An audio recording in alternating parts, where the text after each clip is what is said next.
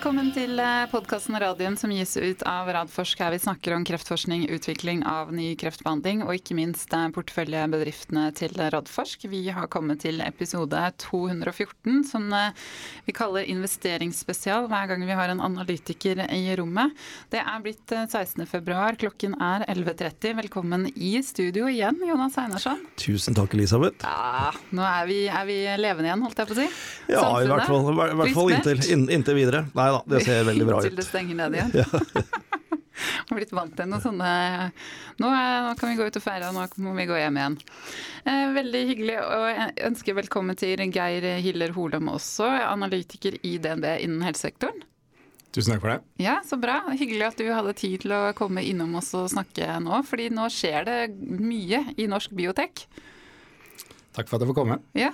Du, eh, vi tenker eller du kan gjerne introdusere deg selv for lytterne våre med en gang. Så kan vi liksom få med deg allerede på å kommentere nyheter og, og alt mulig. Nå er du liksom ekspert, eksperten vår i dag. Så hva, hva, er bakgrunnen din, og hvor lenge har du vært i DNB? Hva skal du gjøre i DNB? Ja, eh, Bakgrunnen min er at jeg er, har en bachelorgrad fra Handelshøyskolen. Eh, og så har jeg også tatt medisinstudiet i Bergen. Eh, Jobbet eh, fem år ca. klinisk, eh, både i primær- og eh, spesialisthelsetjenesten. Og så har jeg tatt en doktorgrad på medisinsk fakultet i Universitetet i Oslo. Mens jeg hadde doktorgraden, så, så, jobbet jeg også deltid som konsulent i McKinsey. Jeg var gjesteforsker på Stanford. Og, og, da jeg var i, i Palo Alto, så, så fikk jeg øynene opp for, for startups og, og, den verden der. Så da jeg kom tilbake så, og fullførte doktorgraden min, så, så, jobbet jeg også for ulike startups innen, innen helsesektoren. Eh, så jeg har gjort litt forskjellig. Eh, også nå, nå, Før jeg begynte i DNB, så, så ledet jeg en, en koronaklinikk, en så, såkalt feberpoliklinikk i regi av Oslo kommune. Så, så, jeg har gjort litt forskjellig. Um, Begynte i DNB i august i uh, fjor, altså 2021, altså, som aksjeanalytiker på helsesektoren. Mm, så bra. Eh, også da, dere analytikere dere snakker om at dere har dekning for et selskap eller for ulike selskaper. Kan ikke du si litt om hvem du har i din portefølje, og eventuelt planene, hvis man kan si noe om det? Ja, det gjør jeg. Eh, jeg, jeg, er jo aksjeanalytiker, så, så, som du sier så, så har vi dekning på, på, selskaper. Jeg jobber jo med Patrick Ling, som, som, dere sikkert kjenner godt, og lytterne også. Han har jo vært her i, i studio, har han ikke det? Ja, eller i hvert fall på link. Jeg tror ikke vi hadde han i, i studio, dessverre. Han sitter jo i Stockholm, så jeg tror vi snakka med han i fjor, midt under eh, nedstengning. Ikke sant. Ja, Nei, veldig jo, dyktig. Veldig dyktig. Ja. En, en, en superperson. Så han, han, sitter jo, som du sier, i Stockholm og, og har dekning på, på veldig mange svenske selskaper, og så har han jo til nå også dekket de norske. Så, så, tanken nå er jo å styrke, eller tanken var jo da jeg kom inn, å styrke teamet eh, til DNB. Vi har jo Uh, fått uh, veldig mye å gjøre. Helsesektoren er jo veldig hot. Uh, og, og, jeg skal da ta opp dekning på flere selskaper, som, som Nycod f.eks., som jeg tok opp i desember. Og sannsynligvis ta over en del av Patrick sine norske selskaper. da. Og kanskje også noen, begynne med en dekning på noen internasjonale selskaper. Vi har jo en, en, en, hva skal man si, en global reach, da, som det så fint heter på mm engelsk. Ja, for DNB er jo store innenfor helse, og dere har jo flere, flere fond, sånn som Biotekfondet deres og flere andre også. Dere har jo jobba også tett med sånn som Oslo Cancer Cluster i, i mange år i forhold til den norske helsenæring også. Absolutt, og, og, det er en enorm interesse eh, for helse. Ikke bare i Norge, men eh, også eh, merker vi det også i andre land. Så, så helse er virkelig i vinden og på tvers, egentlig. Jeg jobber jo på aksjeanalyse. og Vi har jo også corporate banking, investment banking og, og disse fondene som, som, du snakker om. Da. Så, så, så, det er virkelig i vinden. Så det er gøy. Det er det absolutt. Vi har jobba my veldig mye sammen med, med DNB på, egentlig på alle sider. Mm. Både i forhold til eh, fondsinvesteringer og ikke minst på corporate-siden og på, på aksje og på analyse. Så og til og med podkastsamarbeid? Til og med, til og med podkastsamarbeid har vi hatt med DNB, det er helt riktig. Nei, så DNB var, eh, skal få for det at de var litt sånn pioner når det gjaldt å ta opp helsenæringen i Norge. Det var ikke så veldig mange som besøkte den første DNB Helse-konferansen, for å si det sånn, i sin tid. Mens den er jo blitt relativt mer populær etter hvert. Så det er, det er litt gøy å jobbe med det. Ja, og bank i bordet. I år skal vi dit fysisk. Ja. ja. Satser på det. Nei, den helsekonferansen har blitt veldig stor, og, og vi opplever veldig stor interesse, så den, den er veldig gøy. Mm. Så bra. Da går vi videre til, eh, til nyheter. Først første er at Photocure eh, sin partner Asierisk de har nå fått godkjennelse til å gå i gang med fase tre-studien av Hexvex mm. i Kina. Det er gøy. Ja, det syns jeg er, er, kjempegøy. Og det er veldig spennende å se utviklingen nå fra Kina og Greater China med, med absolutt økende interesse både fra selskaper og fra investorsiden eh, i Kina. Og så blir det veldig spennende å følge fremover da, hvordan disse samarbeidene utvikler seg. Mm. Så, og jeg tror det er eneste i hvert fall den enkleste og kanskje den beste måten å komme inn i Kina på, er denne, denne type avtaler. For mm. er, eh, Kina er fortsatt ganske spesielt, og, og, det er ikke så lett å orientere seg der. Så det er nok en fordel at det er et kinesisk selskap som uh, gjør det. Og du ser jo det nå at det, det er ikke bare å flytte et, selv et produkt som er på verdensmarkedet inn i Kina. Du må gjøre studier og få ting, selv om jeg vet at de prøvde å trekke ut eh, asiatiske pasienter fra studier for å ha det som et grunnlag for å dokumentere overfor kinesiske myndigheter, men det, det var heller ikke godt nok. Så, men uh, veldig spennende å se at det utvikler seg såpass fort, syns jeg da. At det, det ser bra ut. Du, eh, kjenner du til Photocure? Ja, vi, vi, kjenner godt til Photocure. Eh, Patrick eh, Ling, som, som har snakket om, har jo dekning på det. Men ja, veldig spennende selskap, absolutt. Mm -hmm. Og Det er jo andre gode nyheten på ganske kort tid, for det er jo ikke så lenge siden de meldte om disse nye skopene til Carl Storch. Nei, og det er, det er, også en liten sånn uh, milepæl, fordi uh, jeg var ikke klar over hvor akterutseilt den teknologien var blitt. Men uh, Dan Schneider, uh, CEO-en der, var jo veldig tydelig når vi snakket med han i, i podkasten. Han, han, sammenlignet med de nye skopene med, med, med LED-TV-er mot de gamle kasse-TV-ene som vi hadde tidligere. Så da forhåpentligvis så vil det liksom kanskje løsne en litt eh, propp på salgssiden der også. Vi får mm. se. Det kommer vel noe fra den nå om veldig kort tid, gjør det ikke det? Eh, jo, de skal ha fjerdekvartalsrapporteringa sin eh, 23.2. Det er, vel, er det neste onsdag, ja. ikke, hvis, jeg husker datoene riktig. Da, da, er det vinterferie her, men vi får det inn 1.3, så det er rett over eh, vinterferien. Bra. Så det blir veldig spennende å høre hva de sier da. Eh, også neste nyhet som kom nå, det er jo at Nycode eh, Therapeutics de har meldt, melder at siste pasient er innrullert i fase 2-studien. Der de har den kombinasjonen av VBT16-vaksinen sin og så sjekkpunkthemmeren, som jeg aldri klarer å uttale ordentlig, atestolizumab, jeg må øve meg, eh, på behandling av livmorhalskreft. Og da venter de jo interinata allerede første halvår nå 2022. Um, i og med at du har dekning på de, Geir, hva tenker du man kan forvente av de interimdataene? Eh, ja, eh, det har jo vært eh, løftet om som en, en stor nyhet. Og, og, og, det er det jo, i og med at det ikke er altfor mange løp som vi får høre noe om, nå som det er mye partnerskap. Så fikk vi jo vite at den var fullrekruttert, denne studien nå nylig. Og, og vi venter jo da på interimdataene dette halvåret. Ehm, nå kommuniserte jo selskapet nylig at det blir 18 pasienter eh, som er fulgt i minimum 18 uker. Første pasient var vel dosert i sommeren 2020. Uh, så, så, det er jo klart det, det, det, blir spennende å se de dataene, og, og, vi forventer eh, gode data som potensielt kan validere plattformen uh, ytterligere.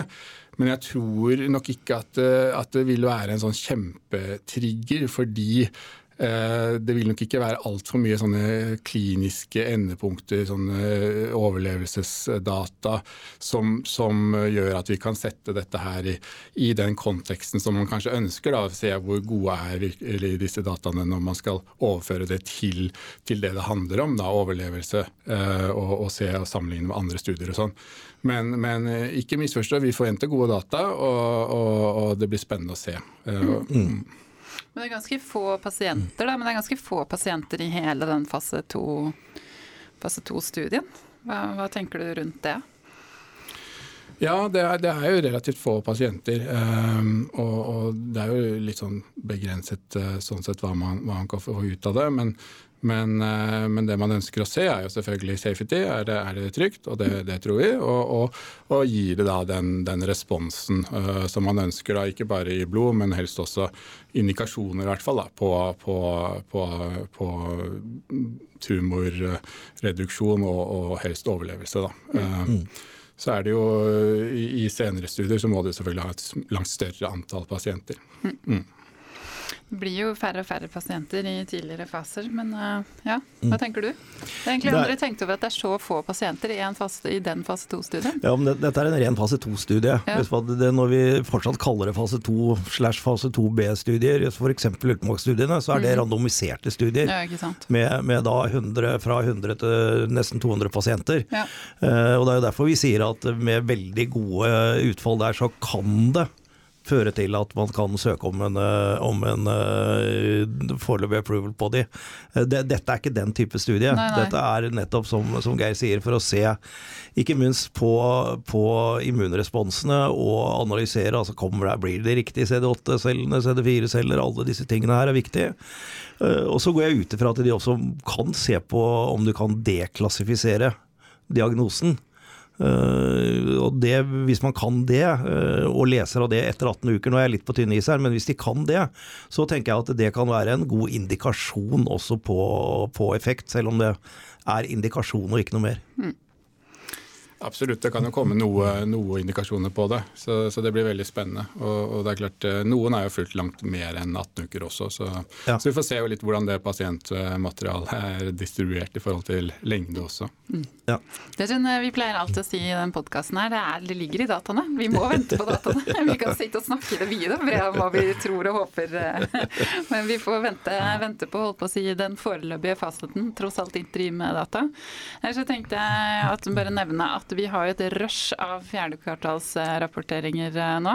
Eh, Bergen Bio har i dag, eller har hatt eh, tidligere i dag. Lytix har i morgen, Targovax har i morgen, Ultimovax har i morgen. Mm. Styreleder. Det er helt riktig. Klokka ni. Eh, ni, tror jeg det. Ja. ja. Eh, og PCI Biotech har på fredag. Det er jo kjempespennende. Eh, Fotogur har som sagt 23.2, Nordic Nanovektor har 1.3, og så er det Nycode har eh, Kommer vel egentlig bare med årsrapporten sin 31.3. De pleier vel ikke alltid ha disse kvartalsrapporteringene. For de er vel ikke på hovedbørsen ennå på Oslo? så det trenger Nei da, vel ikke. de er ikke det. Nei. Eh, så det betyr at eh, du og jeg er ikke arbeidsledige resten av uka. Vi er faktisk tilbake på fredag med to podkaster.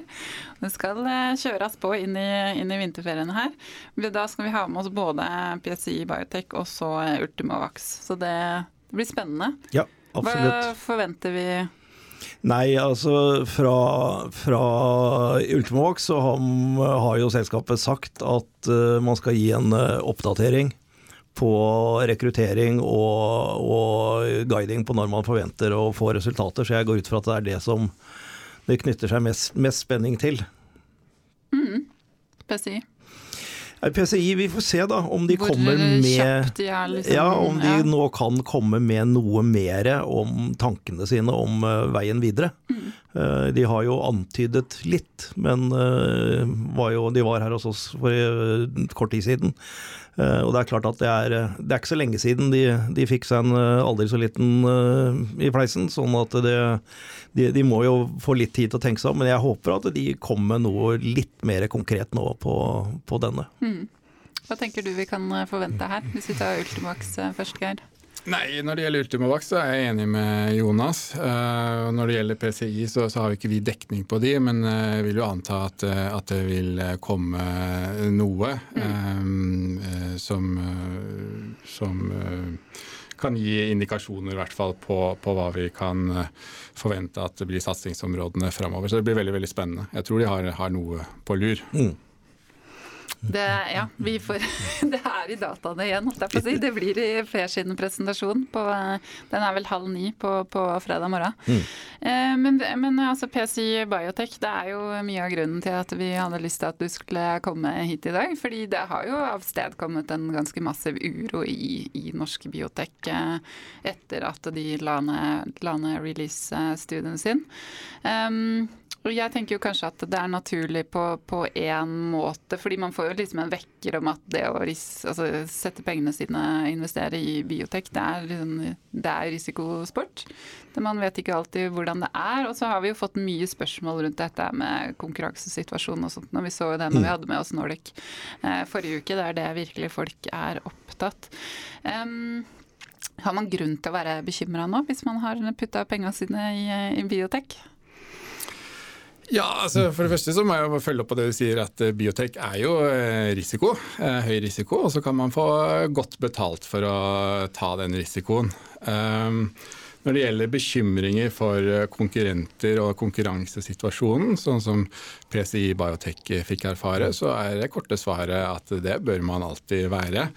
Um, det her er jo et veldig komplekst område som endrer seg veldig fort. Um, nå har det jo, uh, Under korona så har det vært veldig mye fokus på rekruttering, rekruttering, rekruttering.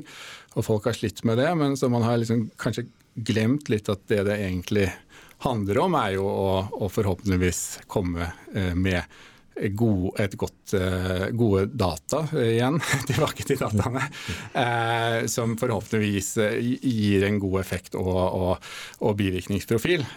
Så, så, rekruttering er jo en, en viktig del, men, men, men, det er jo bare et mål på, på veien. Da.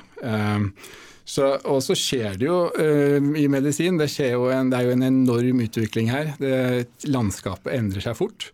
Det kommer jo pasientene til gode, så det er vi glad for. Men eh, for det enkelte selskapet så kan jo det være en, en enorm eh, utfordring. Eh, så PCI f.eks.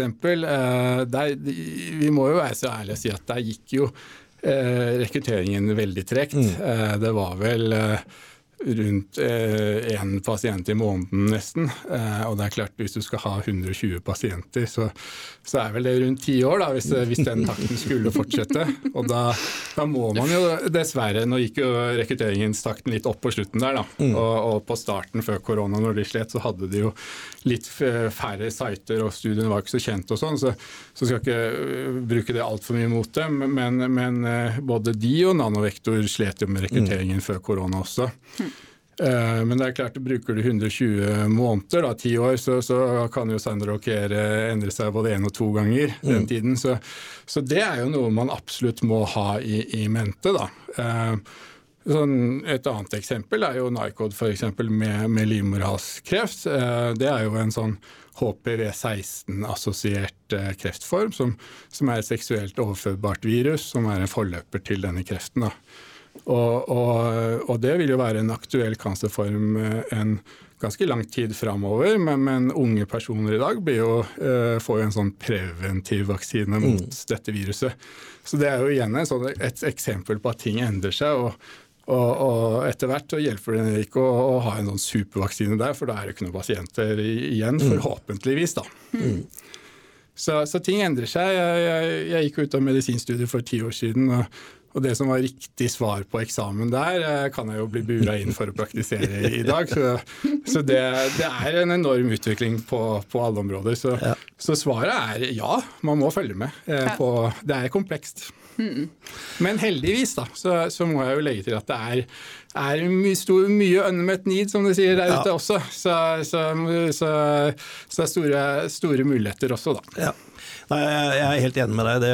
Og det er klart at eh, det er ikke bare, bare PCI. altså Targovax eh, ble jo utsatt for det samme i sin tid. Da var jeg styreleder der når vi satt på ASKO og fikk Folfrenox-dataene, som kom helt ut av det blå. Som da bare gjorde at vi måtte bare stoppe den eh, og jobbe videre med den indikasjonen i det hele tatt. Selv om det da viste seg at Folfrenox slett ikke er noe mirakelkur, og knapt nok kan brukes for den tar livet av pasienter. Men eh, det visste vi jo ikke den gangen. Uh, og også med Targovax med mesotelionstudien, uh, hvor de da har kombinert det med kjemo. Uh, og det er ikke fremtiden. Uh, sånn, vi trodde jo det vi på ti år siden og, vi, og 12 år siden når vi holdt på med dette, at hvis vi kunne forsterke effekten av kjemo, så gjorde vi noe virkelig bra. Uh, da visste vi ikke hva immunterapi var, og vi begynte, begynte med det. Og det tok det igjen hele veien.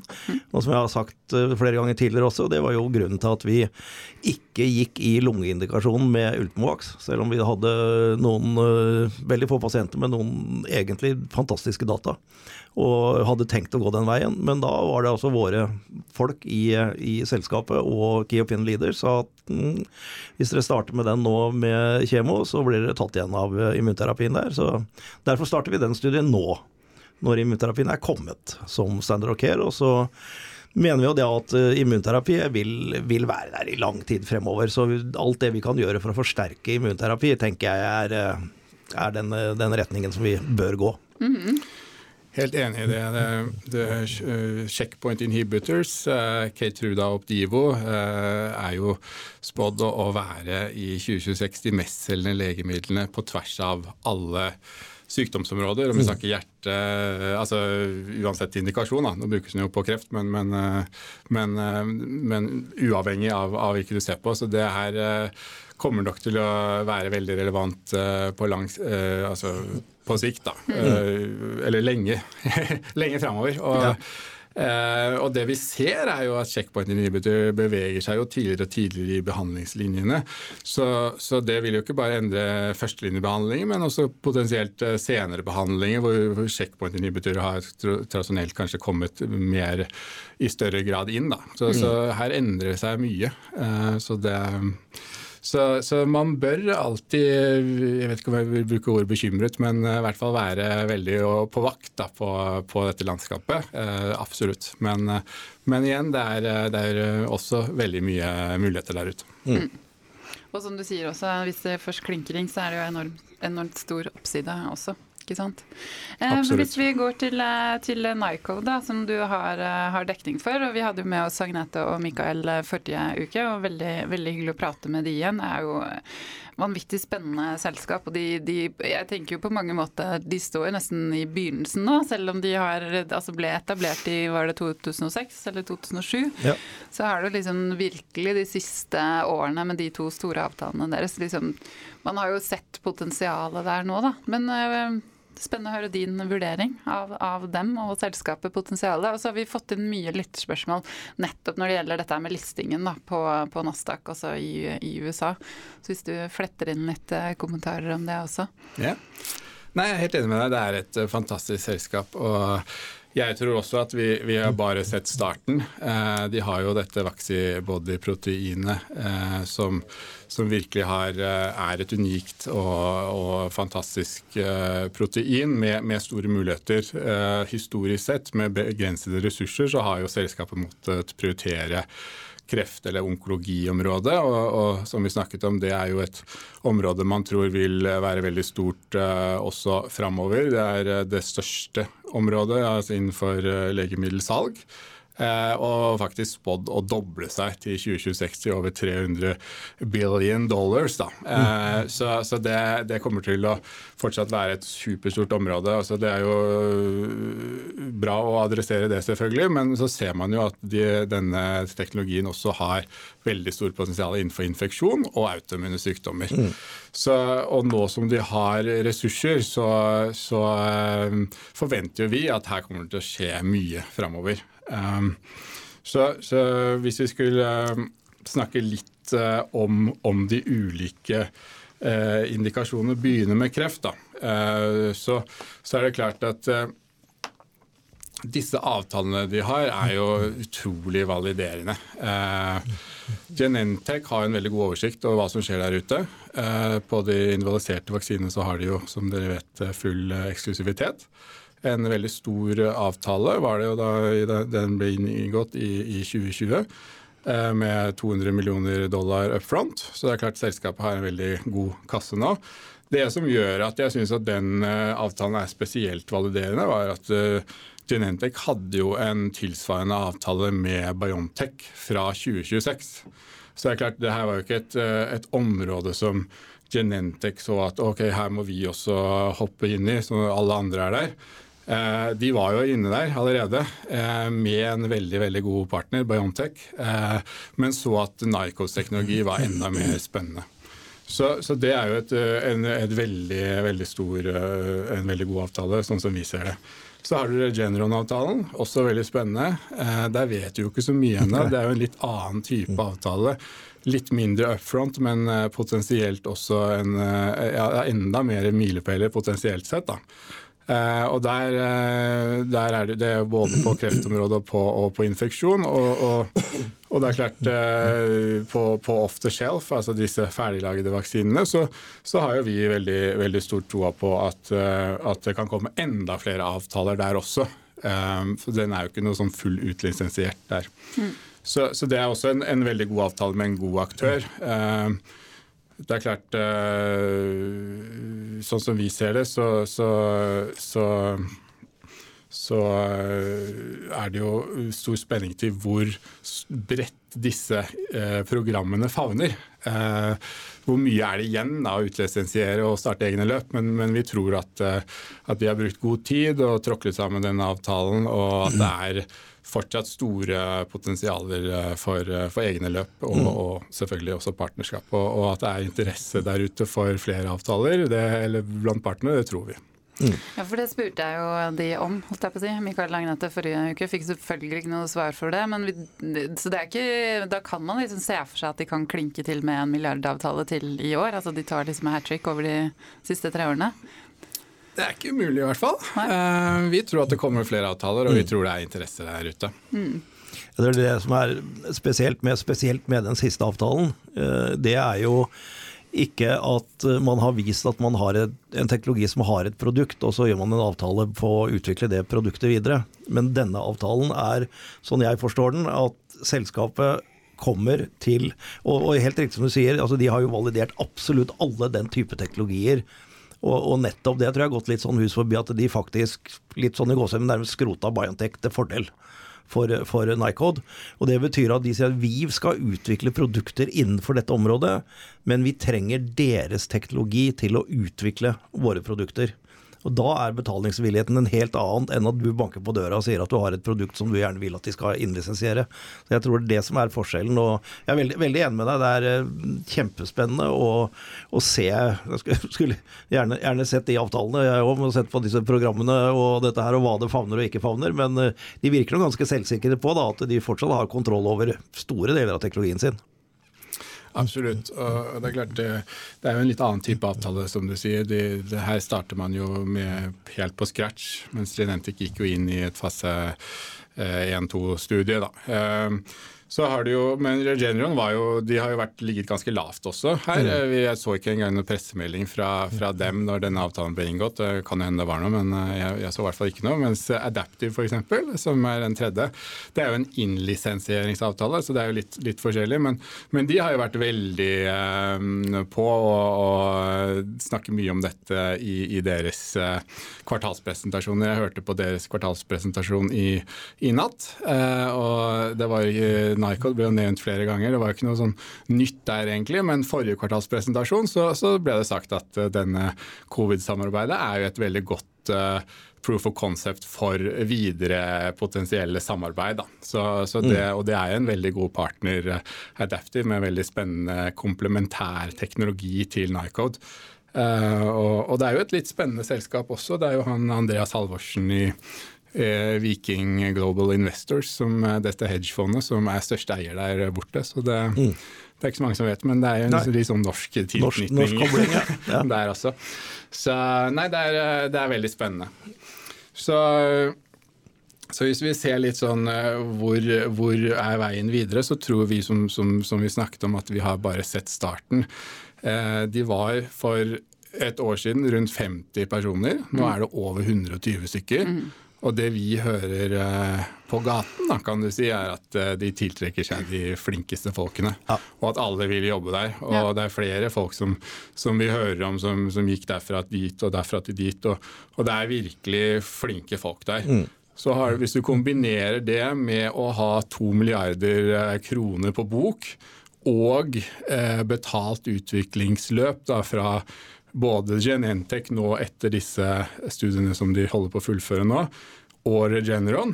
Eh, og på Genentech så vil jo også deres folk ta over, så de, de frigjør menneskelige ressurser også. Så det er klart, da har du 120 flinke folk, 2 milliarder på bok.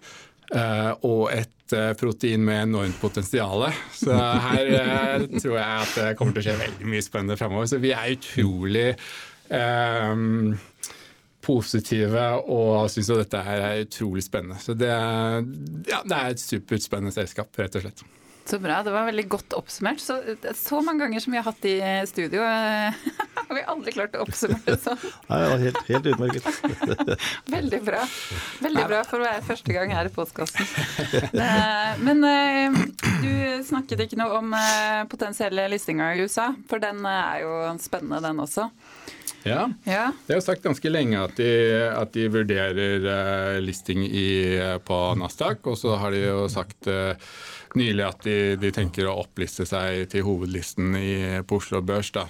Så Hvis vi tar det siste først, så, så er jo det en, en, mer en sånn på den opplistingen en mer en sånn formalitet, kan du si. da, Veldig enkelt. Mm. Eh, men det vil jo være naturlig å være på hovedlisten når du er så, såpass eh, stor som de er, og, og, ikke minst hvis du skal være, være en dualistet i, på, på, Nasdaq. Da. Og så kan man jo se for seg også at eh, det er en del fond som, som kanskje ikke har mandat til å investere på Euronext Growth, som, mm. som syns at dette her er spennende.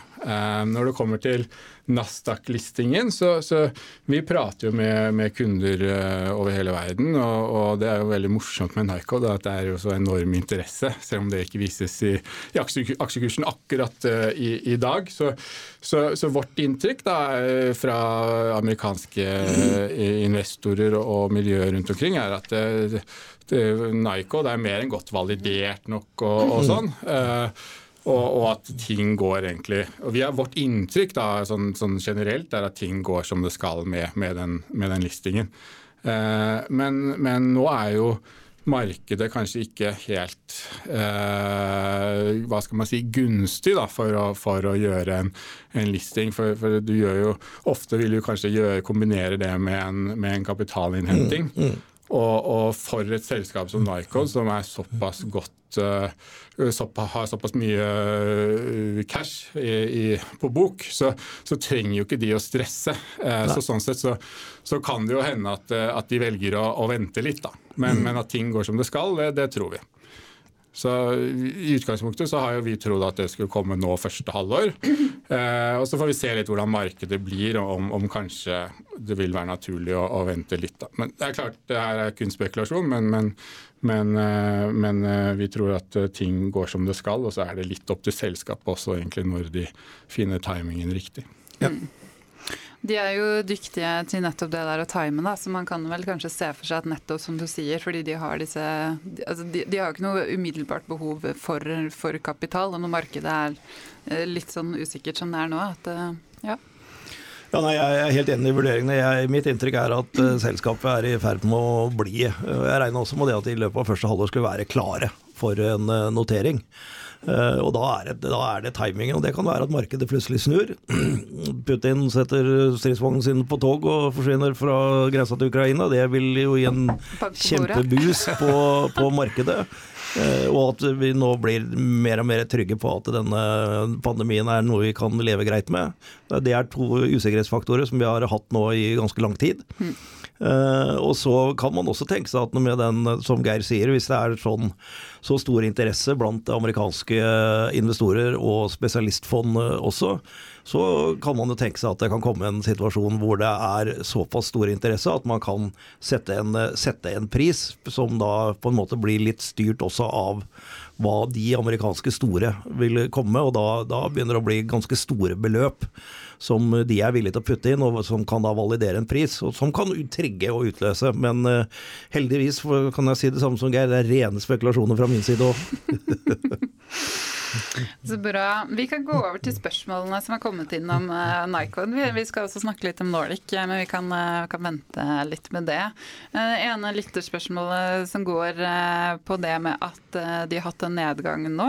Eh, til tross for eh, positive nyheter. Og så lurer lytteren på hvordan man forklarer den nedgangen. Og om det er noe i ryktene om at store aksjonærer måtte tvangsselge seg ut pga. gjeld eller måtte dekke inn tap. Og i så fall vil vel eh, kursen sprette opp igjen, sier spørsmålet.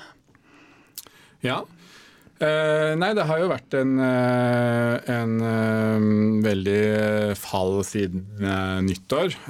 Og, og, jeg vil jo absolutt si at mesteparten av det kan tilskrives den generelle markedsutviklingen. det er jo sånn at selskaper med Uh, usikre inntekter som er langt fram i tid. Uh, hvis, man, uh, hvis, rentene går opp og avkastningskravene deretter, så, så vil, vil, vil, verdien synke mye. Da. Og, og, og, det er klart det går ekstra hardt utover sånne typer selskaper.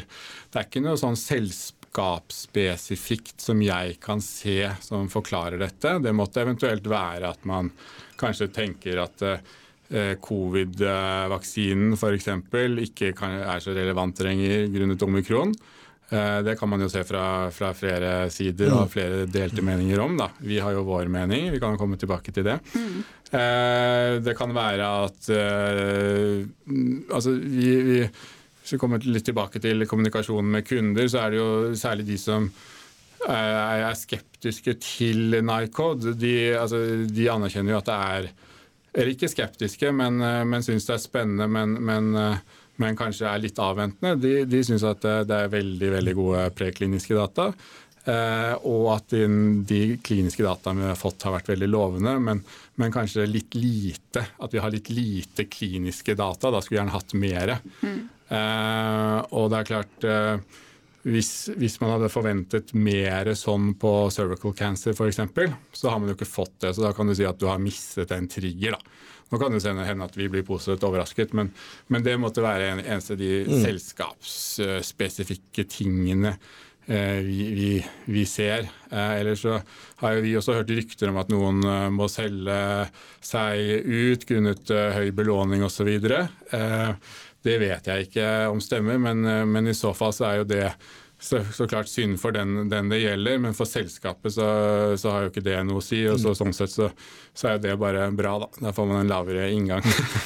så, nei, så jeg er ikke noe bekymret for det. Eh, vi, vi, mener jo at uh, triggerne her i år ligger jo mer på det jeg snakket om, at her kommer det til å skje veldig mye. Vi tror det kommer til å initieres flere ulike uh, løp, og, og, men ikke, ikke, de mer ventete begivenhetene som covid-dataene og interimdataene i livmorhalskreft. Mm. Så bra. Eh, neste spørsmål er et eh, jeg holdt på å si enten-eller-selskap. Det kan kanskje være et både-og. Jeg du tror ledelsen i Nycode prøver å time inn en listing på hovedlisten på Nasdaq med å avvente de seinere år, fordi biotek i USA har gått rett ned nå. Og da er det best å avvente, eller eventuelt at listingen kommer med timingen av en stor avtale av ny emisjon dagen før. Ja, altså det, Vi var jo litt inne på det, men, eh, men, jeg vil jo ikke tro at de eh, stresser med det akkurat nå, som sagt. Eh, og så er det jo ikke unaturlig at de, man med en sånn dual-listing vil kombinere det med å hente penger, rett og slett for å få noen aksjer der borte i omløp, da, selv om man kanskje ikke trenger det heller. Så, men jeg, vet jo ikke, jeg tror ikke nødvendigvis at de vil time det i forhold til begivenheter. For de trenger jo egentlig ikke det. Nei, egentlig ikke. Altså, det, det, er jo store potensialer her. Altså, mm. Det er klart Henter enda mer, så kan man prøve enda, ta enda mer eh, egen risiko, kan du si. da. Mm. Eh, og det, det, tror jeg absolutt at eh, de vil gjøre. Initiere flere programmer framover. De har jo sagt at de eh, skal sannsynligvis inn på en sånn eh, head and neck off the shelf-løp.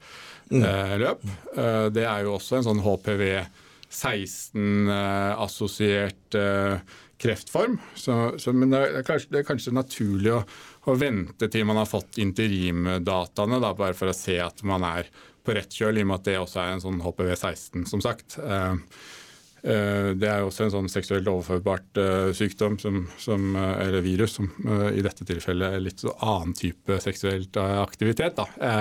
mer som munnkjulekreft, men, men, men eh, som også er et, et stort eh, marked. Og, og, selv om de er innenfor på, eh, på head and neck med, med Genentech, så er det ikke noen sånne interessekonflikter der. Så, og det er klart det er jo Eh, også fordeler med en off the shelf, at du har eh, billigere å produsere og pasienten kommer raskere i gang med behandlingen. Så, så vi er veldig positive til off the shelf-program også, selv om personalized, altså individualiserte vaksiner er jo enda mer i tiden i forhold til sånn persontilpasset mm. medisin. Kan vi tyde på at man trenger, eh, trenger begge deler. Um, men sånn historisk sett, hvilke, andre, hvilke andre selskaper er det som har vært notert på, på Nasdaq? Begynte jeg å tenke på det. Fordi, eh, eller kan man se, er det noen, eh, eller på en annen måte, kan man se noen, er det noen internasjonale avtaler man kan sammenligne med som kan si noe om hvor mye penger kan de eventuelt hente når de lister seg det var to spørsmål i ett. ja, det er et veldig godt spørsmål. Eh, det er et veldig godt spørsmål. Da jeg jobbet med initieringsanalysen, så, så forhørte jeg meg litt rundt på huset om man hadde noe data om man fikk et kursløft da du listet, eh, eller gjorde en sånn dual listing da, på Nasdaq, for det er jo det man, man ville eh, tenke at var en, en god um, eh, grunn for å liste seg, og selvfølgelig tilgang på kapital. Eh, og, og, det er jo klart man, man klarte å, Vi klarte ikke å finne fram noen sånn entydige data der. Det er klart På visse sektorer så kan, kan man kanskje tenke at det er mer relevant, sånn som på biotek, det er jo pga. miljøet der borte. Mm. Men, men, eh, vi har ikke kvantifisert noe rundt dette i analysen som at dette vil gi et kursløft. Det har vi ikke. Så vi har vært litt mer konservative der. Uh, men, eh, men, vi har jo noen eksempler eh, for shipping f.eks. Som, som ikke har sett noe sånn spesielt uh, uh, kursløft av den mm. prosessen. Mm. Neste spørsmål er hvilken verdi dere eventuelt tillegger en børsnotering på Nasdaq?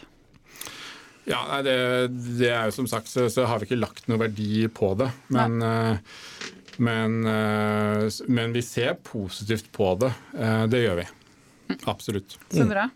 Eh, neste spørsmål går på koronavaksinen. Om, eh, og spørsmålet er, I deres kursmål har dere tidligere uttalt at dere ikke tillegger noen verdi til Nycode sin koronavaksine. Betyr det at dere ser det som lite sannsynlig at vaksinen noen gang vil nå et kommersielt marked? Ja, Når det kommer til covid-vaksinen, så, så, ser jo vi på det Vi har ikke lagt noen verdi i det, det er riktig. Og, og, men, men, vi ser på det som veldig positivt at selskapet har gått inn i dette løpet. fordi vi ser på det som at det vil gi et veldig bra proof of concept innenfor infeksjonsområdet, som det ikke har vært i tidligere. Uh, og, og, det er jo for det første så så, så, øh, har jo selskapet kunnet komme raskt til klinisk fase pga. de regulatoriske forholdene mm. som er veldig fordelaktige innenfor covid. Og potensielt også komme raskt gjennom de ulike eh, kliniske fasene. Så, så, vi tenker det er veldig positivt. Vi har til og med fått støtte fra, fra Forskningsrådet tror jeg, for, for dette covid-studiet. Så, så, det er jo jeg tror, veldig lurt at de gjør det. Det vil være veldig bra proof of concept. men eh, vi, vi, har ikke lagt noe verdi i det. og Det er rett og slett fordi vi tror de kommer litt sent eh, til, eh, til markedet i forhold til alle som er der. Det er jo sånn, vi, men jeg må bare legge til at de, vi har veldig troa på vaksine, at teknologien kan virke bra på på covid. Mm. Um, så, så, så, det er ikke det at vi ikke tror på det, men, men det er mer andre ting. Det er Eh, New York Times har en sånn vaksinetracker, og det er vel jeg tror det er rundt 50 ulike studier i fase 1, 50 i fase 2, 50 i fase 3, og så er det, hvis du tar med de som har nødgodkjenning, så er det rundt over 20 stykker. Så det er klart, Og de virker jo egentlig ganske bra, vil jeg si, disse vaksinene som er på markedet mm. nå. og Det er jo en litt sånn spesielt konkurranseklima også, hvor ulike land bare vil kjøpe sine egne vaksiner og sånn. Så, så vi har ikke lagt noe verdi i det.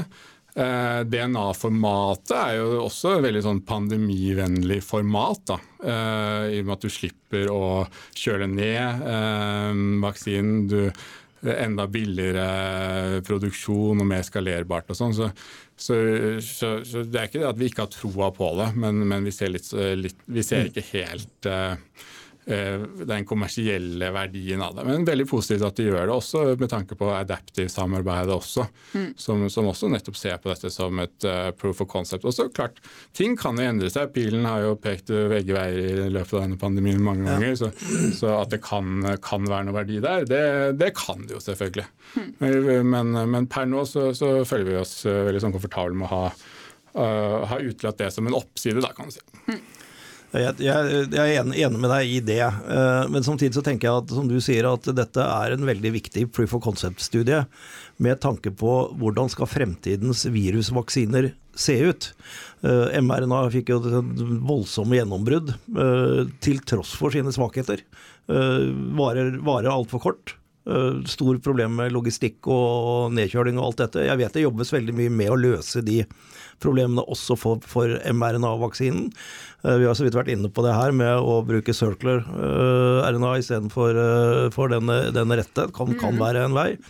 Men det kan også være at vi i fremtiden, f.eks. innenfor influensavaksine, hvor vi nå veldig mye tipper og gjetter, og vi har jo ligget på 65-70% effekt av influensavaksinen. Mens vi ser at når vi vet hva vi gjør med covid-19 og mRNA-vaksinen, så er vi liksom oppe i 90-95. Eh, og der bør vi kunne gå også med influensavaksinen. Nettopp fordi at vi ikke behøver å gjette så mye. Vi kan kanskje vente til vi ser hvordan årets variant ser ut, og så smakk på lynrask tid produsere den riktige vaksinen. Eh, og da ønsker vi å ha lengst mulig effekt. Kan DNA-vaksinen da være en, en reell konkurrent til mRNA-vaksinen? Ja, kanskje. Så det er, liksom, det, det, er den, det store bildet av infeksjonssykdommer jeg syns er spennende.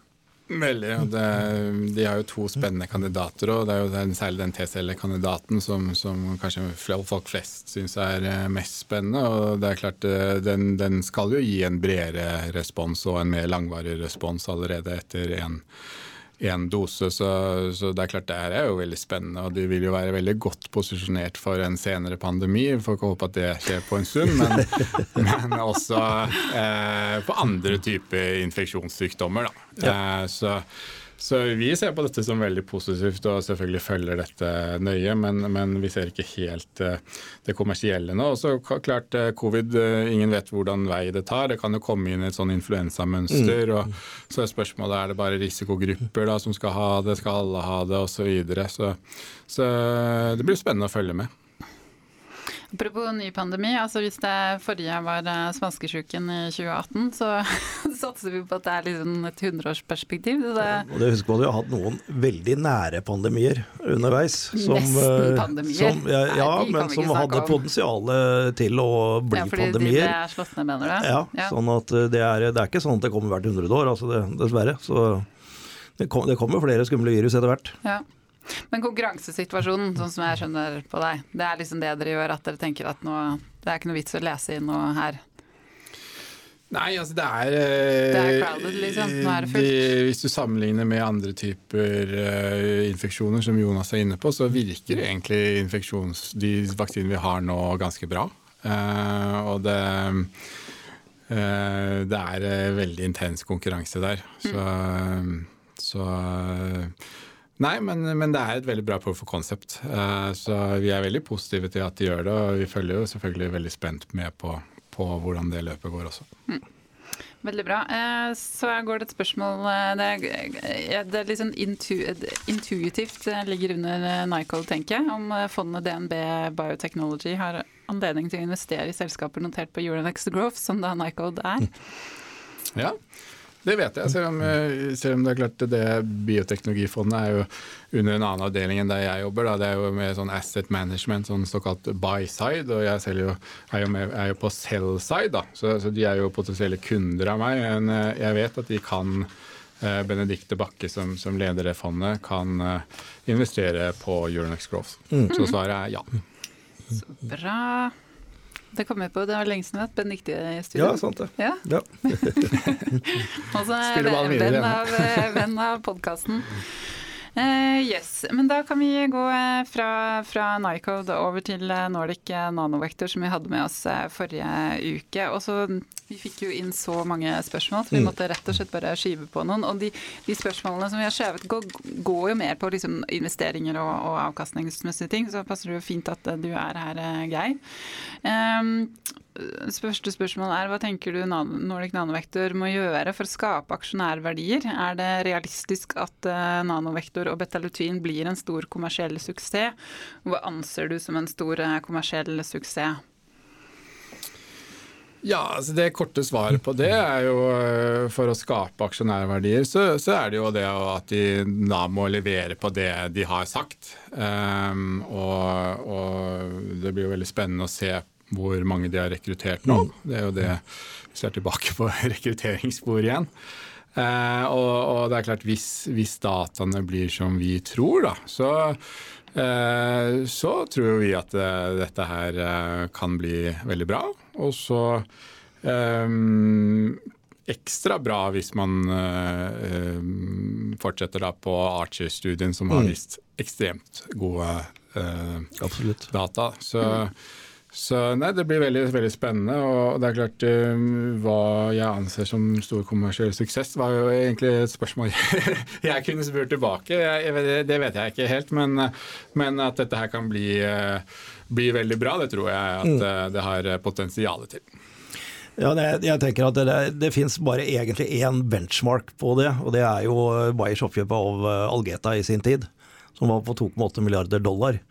17,9 eh, norske milliarder kroner i 2013? Ja, den, den gangen. Jeg, jeg, liker bruke, jeg, jeg, liker, å bruke, dollar, for da kan man gange med kursen i dag og se hva, hva vil verdien av en deal på 2,8 ah. milliarder dollar vært. Det er det. Eh, det er jo, men om, om betalutin har et større eller mindre potensial enn Sofigo, det kan man jo se på og, og vurdere.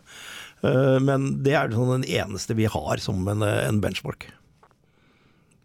Hva tenker du om det? Ja, altså det Det hadde vært bra. det hadde vært helt greit. Det hadde vært helt greit. Jeg er helt enig. Jeg, er helt enig. jeg, tror, jeg tror kanskje lytterne kan være enig i det også. Uh, neste spørsmål er hvorfor bør investorer kjøpe aksjer i Nordic nå? Hva slags avkastning kan man som investor forvente de neste 12 24 månedene, altså neste 1-2 årene? Ja, altså vi Det er ikke dette spørsmålet vi får i dag, merker jeg. Nei, det er jo så klart hvis du har troa på dataene, eh, og, og, det har jo vi, eh, vi har jo en kjøpsanbefaling, så mener jo vi at det er eh, en, et spennende selskap. Eh, så i forhold til forventet avkastning, så, så har jo vi et kursmål, og, og Eh, nå husker jeg faktisk ikke hva Patrick opererer med, men jeg lurer på om det er 33. Nei, det husker ikke jeg heller. Så, så nei, det, det, det, korte svaret er hvis du har troa på, på dataene, noe vi har, så, så er det en, en kjøpsanbefaling. Mm. Så bra. Og så er det fra en lytter som har vært med siden 2016. Jeg kan lese spørsmålet. Jeg har investert i Nordic siden 2016 og vært med nesten alle emisjoner for å forsvare min eierandel for å ikke bli utvannet. Sitter jeg med stort tap, prøver å lære av mine feil. Spørsmålet er hvorfor skal jeg fortsette å forsvare min posisjon når jeg har gått glipp av en enorm vekst i markedet rundt om? Og har Nordic en framtid for oss investorer? For pasientene er det jo tydelig effekt, noe jeg setter pris på. Og så skriver han at han eller hun må presiseres at jeg ikke er bitter, men vurderer alt annet enn biotech eh, frem, fremover, dessverre. Eller tar jeg feil? Ja, altså det er jo flere ting her, da. Ehm, for det første så, så er fra et sånn rent investeringsperspektiv så, så må man jo tenke framover og heller enn bakover. Så, så er det klart ehm, hadde, hadde, denne investoren visst det han, det han, visste vet nå, så hadde han jo ikke investert. Og, og det er klart uh, men, men, men, per nå så, så, så må man tenke så, så, har det ikke, egentlig ikke så mye å si om man har vært med i emisjonen i 2018 eller 2019 eller 1975 uh, for den saks skyld. Da må man tenke framover. Så, ja. så, det går jo litt tilbake på det forrige spørsmålet om, om du har troa på på dette selskapet. Og En annen ting her som, som blir litt på siden av, av, det jeg holder på med, da, men, men han snakker om eller hun, da, eh, han eller hun eh, har gått glipp av en enorm vekst. Og, og det går jo mer på en sånn porteføljesammensetning. da. Eh, sånn, på sånn generelt grunnlag så er jo biotek kjemperisiko. Så, så, sånn på generelt basis så vil jeg jo ikke anbefale å bare være i, i ett selskap. Hvis man snakker om diversifisering, så, så, er man jo, så, så er man jo, skal man jo egentlig ha 20-25 selskap i ulike sektorer. Så det er klart hvis du er i ett biotekselskap, så, så, det, tar du en, en, stor risiko. Um, men um, ja, hva skal man si? Altså Ja, det er vel uh, det jeg kan si, er at det, man må tenke framover. Har man troa, eller skal man finne mm. alternativer? Mm. Ikke tenke bakover. Nei, altså, Nei, man må liksom eh, eventuelt ta tapet eh, heller, hvis ja. man eh, mener at det er det riktige, da, og heller finne investeringsalternativer. Da. Sånn. Mm. Ja, nei, altså, jeg tenker at jeg er veldig enig med altså, Vi er jo bare i den sektoren i Radforsk. Men vi, vår, vår, filosofi er jo å gå inn så tidlig som mulig. Eh, og vel vitende om at risikoen da er skyhøy. Men eh, også har jeg brukt over 20 år på å bygge opp en portefølje. Av, av, selskaper innenfor dette. Så vi, vi er jo vidt spredt innen, innenfor denne, denne, sektoren.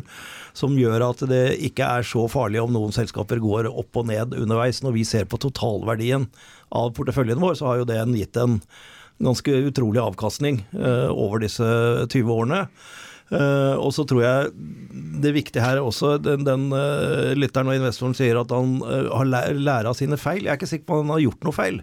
Det, det, det, det gjenstår å se når vi får resultatene av paradigme og eventuelt en god avtale eller et salg. Det, det, det, det, er først da du vet om du har gjort feil eller ikke, og hvordan kursen har svingt i mellomtiden. Så lenge man da ikke investerer penger man ikke har råd til å tape. Det tror jeg er kanskje det, det viktigste innenfor denne sektoren her. Ja. At du ikke, ikke lån penger, vil jeg si, til å investere i denne sektoren, som gjør at du kanskje må selge deg ut på et uh, ugunstig tidspunkt. Du må ha råd til, og så kan du Jeg, jeg har full forståelse at folk kan bli lei innenfor denne sektoren. Og sett høye kurser som de kunne solgt på og virkelig tatt en god gevinst, men har ventet, så hvilket Radforsk filosofi er at vi, vi venter, eh, men, men, så kanskje ser at det er ting som skjer, som vi har sett i flere av selskapene nå, som gjør at du sier at nå er det så lite igjen å tape at det er like greit å bare kaste korta og ta det og, og gå videre. Jeg har full forståelse for det, men, men, men min filosofi er invester tidlig og bredt, og kun med penger du har råd til å tape. Ja. ja. Nei, jeg må jo legge til at uh, at dere i Radforsk har jo vært utrolig viktige for eh, kreftselskapene, for dere har kommet med viktige penger i en, i en tidlig fase hvor det finnes lite penger der ute, i hvert fall i, spesielt i Norge. Også, hvis man skal se det fra et rent sånn investeringsperspektiv, så, så har dere jo vært eh, kanskje både dyktig og heldig Da, at dere har truffet egentlig veldig veldig bra. Hvis man ser på WC-fond som, som, investerer veldig tidlig, så er, har jo de for det første en sånn superselektiv eh, prosess eh, i forhold til hvem de investerer i. Men likevel så, så forventer de kanskje av syv investeringer at én uh, går til topps men at den da blir så bra at det bærer hele fondet. Mm. Så det er klart det er jo en skyhøy risiko her. og det er klart det er jo tidlig fase, men selv om man når børsnotering, så er det jo fortsatt veldig stor risiko. Uh, vi, vi, opererer jo med likelihood of approval når vi lager våre analyser. Ja, altså, hva er sannsynligheten for at du når markedet fra fase 1, fase 2, fase 3? Og så kan du gå på sykdomsområdet, f.eks. onkologi, og så kan du til og med se statistikk for de ulike eh, indikasjonene innenfor onkologi. Og, og, det er klart, det er jo veldig lave tall, da. Så mm. det er, det er jo skyhøy risiko. Men, eh, men igjen eh, også en eh, veldig stort potensial, da. Mm. Som vi har sett eh, mange eksempler på. Ja. Eh, neste spørsmål går på om Nanovektor kan søke betinga markedsgodkjenning etter fullført screening og godkjennelse fra FDA med paradigmestudien. Og i så fall er denne inntekten såpass at man kan slippe emisjoner fremover? Vi var så vidt innom det i podkasten forrige uke også, men det er interessant å høre hva du tenker om det, Geir. Korte svaret er igjen eh, Det går gjennom hele sendingen, egentlig. Det ligger i dataene. jeg så det, da jeg borte. Så, så, det er egentlig det eneste svaret jeg har å si. FDA uh, er jo også en, en, viktig bit der. Og vårt inntrykk i DNB er at de har blitt strengere med årene. Um, så, så, det er egentlig de korte svarene jeg kan gi. Når det kommer til emisjoner og sånn, så er jo det uh, litt sånn betinget av uh, ting som ikke vi vet også, med potensielle partneravtaler osv. Så, videre. så Så det er vanskelig å, å si. Mm.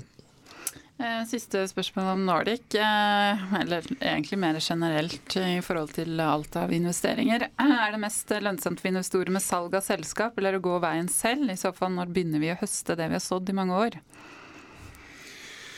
Ja, altså øh, Når det kommer til å, å, å markedsføre legemidler, så, så, er det jo gjerne to hovedveier. Det er jo å ta produktet til markedet selv, eller utlisensiering. Uh, og så er jo et siste, uh, om jeg kan kalle det alternativ, er jo salg. Da.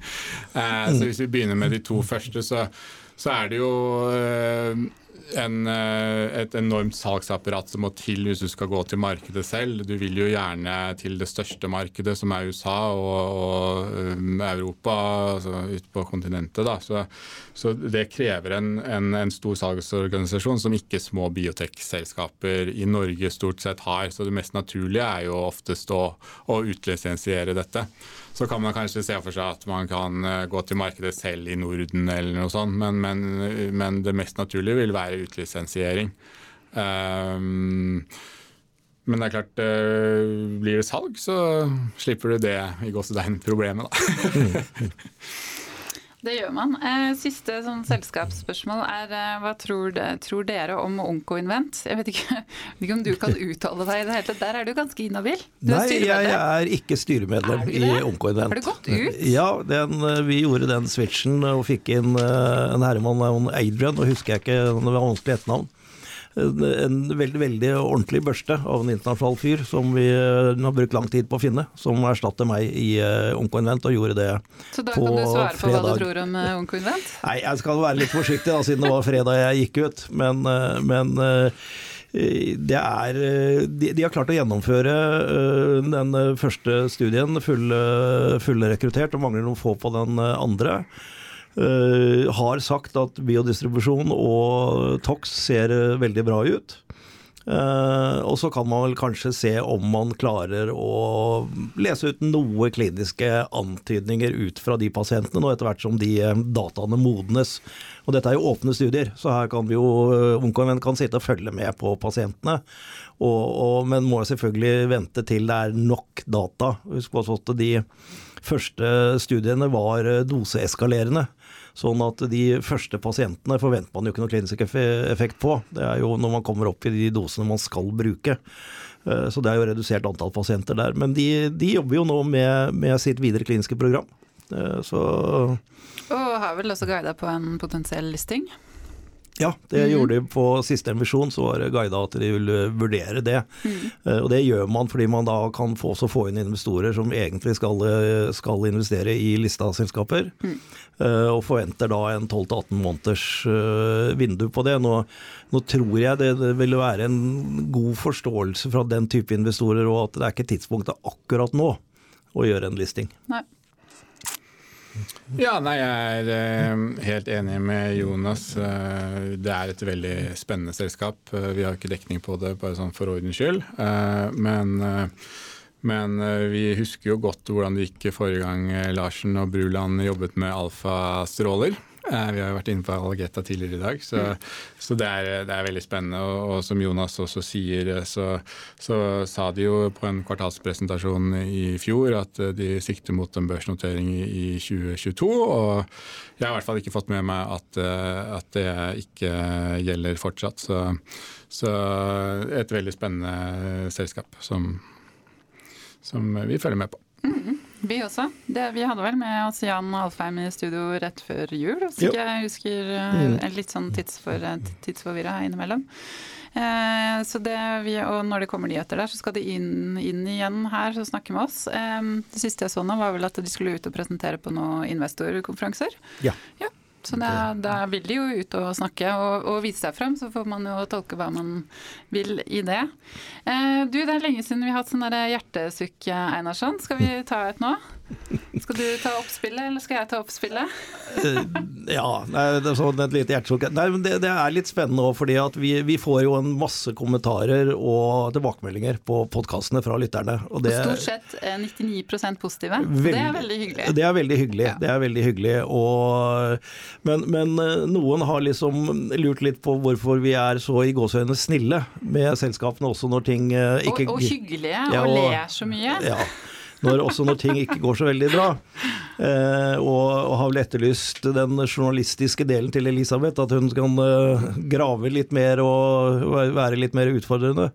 Men da tror jeg det er greit Har du da ansatt meg som journalist? Eh, nei, overhodet ikke. Du er kommunikasjonsrådgiver hos oss. Oh, ja. det, er, det, er, helt riktig. Det er bra. Eh, men du har nå dine journalistiske evner allikevel, da. Nei, men uh, litt, litt alvorlig på det, fordi jeg vil gjerne da minne om innledningen på alle uh, radiopodkastene, hvor uh, du Elisabeth sier at uh, dette er en podkast uh, laget og utgitt av uh, Radforsk investeringsstiftelse, hvor vi snakker om våre porteføljeselskaper. Og generelt om mye annet også, innen, innen medisin, og vi har snakka mye om covid-19 og Snakka mye om alt som skjer i Kreft-Norge, Impress, eh, ja. helsenæring, da you. Da kan vi nok, når vi har Bent Høie i studio, som vi hadde i sin tid, da kan vi nok være litt mer krevende uh, enn, en når vi snakker om selskapene som vi nesten utelukkende er Radforsk er investert i. Hvor jeg og min kollega Anders Tuv veldig ofte har styreposisjoner. Så vi må være veldig balanserte i forhold til hva vi kommenterer. Eh, det vi prøver å bruke podkastene til, er sånn som i dag, hvor vi prøver å gå litt inn i de nyhetene som kommer fra selskapene. Så hva ligger bak nyheten? Sette det i en eh, kontekst. Sette i en kontekst. Hvordan kan disse dataene tolkes på forskjellige typer type måter? Eh, og også når, når PSI Biotech må eh, gi opp release-studien, få da Per Voldi og, Ronny Skøggedal inn i studio, og prøve å forstå hvorfor de tok den avgjørelsen. Mm.